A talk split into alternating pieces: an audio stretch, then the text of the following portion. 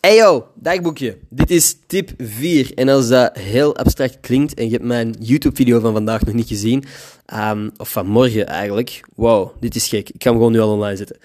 Tip 4, als je een podcast zou willen starten, mocht je dat willen doen, is zorg dat je edits in orde zijn. En dat heb ik eigenlijk aan iemand te denken, zijnde Matthias hier in de ruimte is.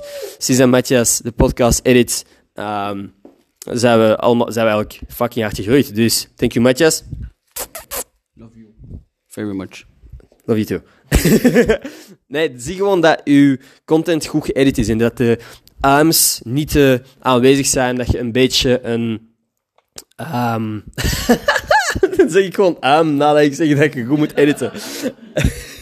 Zorg dat je stiltes, ongemakkelijke stukjes er gewoon uitkut. Het is niet omdat je een longform video of audiobestand online gooit, dat alles erin moet. Zie dat je relevante of toch iets of wat interessante content deelt. En niet, je moet niet het gevoel hebben dat je alles online moet zetten. Hoe lang je gesprek ook is. Wij filmen tegenwoordig anderhalf uur ongeveer aan een podcast. En de podcasts zijn 40 minuten. Soms filmen we langer, soms filmen we korter.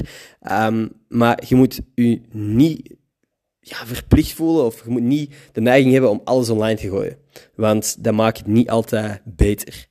Oké, dat was tip 4. Als je dit, deze podcast eerder hoort dan mijn video, check dan mijn YouTube-video over ehm, podcasting. Tips over hoe dat je podcast zou starten.